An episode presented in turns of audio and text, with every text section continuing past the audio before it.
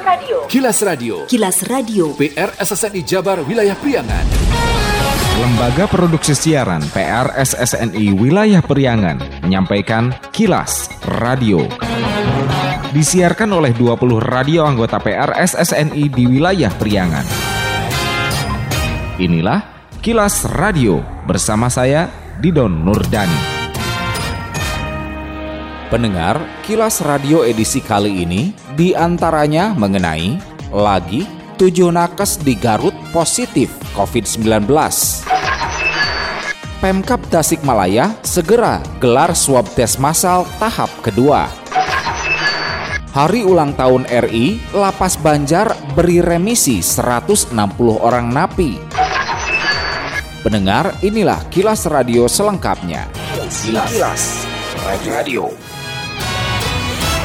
Sebaran virus COVID-19 di Kabupaten Garut kini makin mengkhawatirkan. Senin 17 Agustus sore, tim gugus tugas percepatan penanganan COVID-19 TGTPP setempat kembali umumkan tujuh orang positif COVID. Menurut juru bicara TGTPP Garut, Yeni Yunita, ketujuh orang itu teridentifikasi semuanya berprofesi tenaga kesehatan yang bekerja di salah satu rumah sakit di Garut. Kepada reporter Kilas Radio Selamat Timur Senin malam, Yeni yang juga Kabid Humas Diskominfo Garut menyebutkan dua orang di antara tujuh KC sebelumnya pernah kontak erat dengan KC54 yang juga seorang perawat yang pernah dirawat di rumah sakit sebelum dinyatakan positif COVID. Sedangkan lima orang lainnya merupakan hasil dari tracking dan tracing oleh tim gugus tugas pekan lalu. Yeni menambahkan hadapi tingginya angka temuan kasus positif corona di daerahnya selasa 18 Agustus tim gugus tugas, bupati, dan pejabat terkait akan adakan rapat membahas langkah strategis menghadapi sebaran COVID yang semakin meluas di daerahnya dari Kecamatan Karangpawitan tiga orang, Tarogong Kidul dua orang, Garut Kota satu orang, dan Kecamatan Cibatu satu orang. Dan ketujuh orang ini tenaga kesehatan di salah satu rumah sakit di Kabupaten Garut. Semuanya nakes. Ada langkah-langkah dari tim gugus tugas untuk merencanakan penanganan menghadapi peningkatan yang beberapa hari ini kan banyak terus nih Bu. Pak Bupati menginstruksikan briefing rapat mm -hmm. semua tim gugus tugas mm -hmm. untuk langkah-langkah selanjutnya. Dengan bertambahnya tujuh orang nakes positif itu, hingga kini jumlah kasus positif COVID-19 di Garut menjadi 68 kasus. Menurut Yeni, ini merupakan angka tertinggi di antara kabupaten kota di wilayah Priangan menyusul peningkatan jumlah kasus positif COVID-19 cukup signifikan di daerahnya dalam dua pekan terakhir, pemerintah Kabupaten Garut batalkan sejumlah kegiatan berbasis massa, termasuk rencana kegiatan sekolah tatap muka. Menurut Bupati Garut Rudi Gunawan, karena perkantoran kini jadi klaster penyebaran COVID-19, apel pagi ASN pun diselenggarakan secara terbatas. Selain itu, kata Bupati, event kuliner night yang telah dibuka untuk umum di halaman pendopo Garut pekan lalu dan direncanakan tiap malam Sabtu dan malam Minggu hingga akhir tahun 2020 ini pun dievaluasi kembali. Rudi mengakui kenaikan kasus positif COVID cukup tinggi hingga pihaknya evaluasi berbagai kegiatan dan akan lakukan tes swab lebih masif di kalangan ASN termasuk para guru. Bertambah banyaknya kasus positif COVID di Garut juga jadi alasan utama batalnya sekolah tatap muka untuk sekolah SMA SMK yang semula akan dimulai Selasa 18 Agustus mengevaluasi ya karena ada COVID-19 itu sudah meningkat meskipun di Jawa Barat itu yang Priangan Timur yang tertinggi Sumedang 71 tapi ada kenaikan yang cukup signifikan. Bahaya. Jadi kami juga akan mulai seperti yang planner night itu kita akan evaluasi dihentikan dulu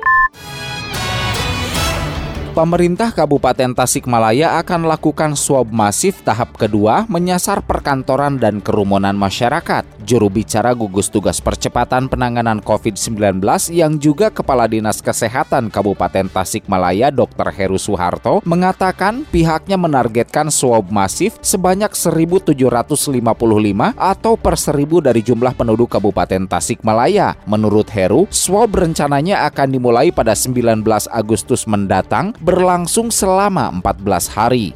Kita laksanakan dengan sasaran ini ada perhitungan tersendiri untuk Kabupaten Tasikmalaya tapi ini atas anjuran provinsi. Jadi ini akan diambil satu per seribu orang dari tanggal 19 ke depan selama 14 hari sebanyak 1755 Pendengar, Anda bisa ikuti kuis selfie merah putih persembahan Persatuan Radio Siaran Swasta Nasional Indonesia PRSSNI dengan total hadiah 17 juta rupiah untuk 17 pemenang. Kuis berlangsung hingga 31 Agustus 2020. Caranya, posting pose selfie yang paling seru dengan atribut merah putih dan radio di Instagram feed Anda. Jangan lupa mention radio favorit Anda dan sertakan hashtag Agustusan bareng radio. Pemenang akan diumumkan di website radioindonesia.co.id pada awal September 2020. Halo pendengar radio di seluruh Indonesia, saya Joko Widodo. Selamat Hari Kemerdekaan yang ke-75 Republik Indonesia. Mari junjung tinggi budaya bangsa, cintai lagu dan musik Indonesia. Salam sehat, Salam Indonesia Maju. Kilas Radio. Kilas Radio. Kilas Radio. PR SSNI Jabar Wilayah Priangan banyak cara dalam merayakan hari kemerdekaan yang sekaligus mengapresiasi masyarakat yang patuhi protokol kesehatan pada masa pandemi COVID-19. Salah satunya dilakukan Polres Banjar berupa pembagian sembako sebagai bentuk empati kepada warga terdampak COVID-19. Bantuan dikhususkan bagi warga yang telah mematuhi protokol kesehatan dengan mengenakan masker ketika berada di jalan raya. Hari apa? 17-an. 17 Agustus ya. Ya, ya oke karena Bapak sudah pakai masker saya kasih hadiah. Mana Bu hadiahnya? Ini bukti sayangnya Polres Banjar kepada orang yang tertib pada protokol kesehatan dan bisa memaknai 17 Agustus ya. Kapolres Banjar AKBP Meldayani yang terjun langsung memberikan sembako di jalan raya sekitar alun-alun kota Banjar Senin sore 17 Agustus menyatakan pihaknya senang terhadap warga yang telah mematuhi protokol kesehatan. Melda kepada reporter Lis Erkilas Radio, pihaknya dan jajaran lalu lintas memberi hadiah kepada warga yang melintas atau pengendara kendaraan sebagai bentuk pemaknaan pada peringatan hari ulang tahun kemerdekaan Republik Indonesia. Saya bersama jajaran lalu lintas membagikan bantuan sosial ya kepada masyarakat yang terdampak sekaligus juga memperingati kemerdekaan Republik Indonesia yang mana kita laksanakan secara sederhana di tengah situasi pandemi Covid-19.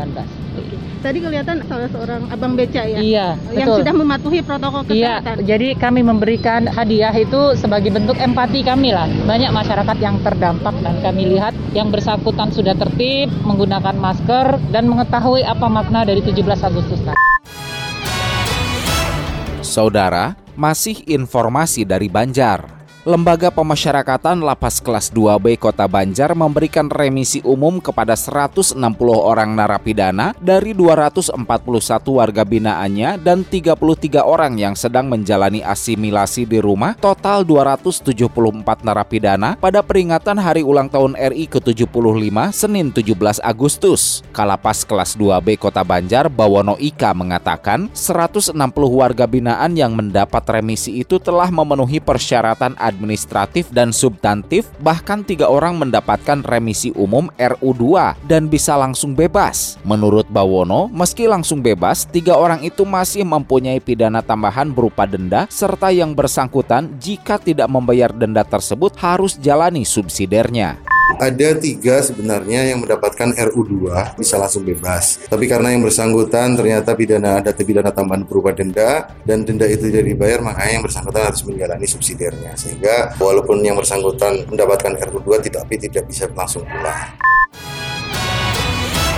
Masih terkait pemberian remisi saat peringatan hari ulang tahun ke-75 Republik Indonesia, Saudara, sebanyak 41 orang napi di Lapas Ciamis gagal mendapat remisi, sementara tiga lainnya batal mendapat remisi bebas. Kepala Lapas kelas 2B Ciamis Dadang Sudrajat Senin 17 Agustus siang mengatakan 41 orang yang gagal dapat remisi itu karena ketahuan membawa barang terlarang seperti handphone, korek api dan alat lainnya, sementara tiga orang yang gagal dapat remisi bebas karena harus menjalani subsidiar terlebih dahulu. Menurut Dadang, tahun ini Lapas Ciamis beri remisi kepada 179 napi yang merupakan hak sesuai ketetapan undang-undang dengan kriteria yang di antaranya berperilaku baik dan memenuhi syarat. Jangan sampai hal-hal yang seperti ini salah satu contoh melanggar tata tertib. Bila ketahuan di tahun berikutnya, misalkan bulan besok ada ketahuan dapat handphone, pasti akan dicabut lagi remisinya. Ini hasil razia. Ada 41 orang yang tidak diberikan remisi karena salah satunya adalah mempunyai barang-barang terlarang di dalam lapas. Misalnya handphone, ini salah satu yang tidak boleh, itu hukumannya sangat berat.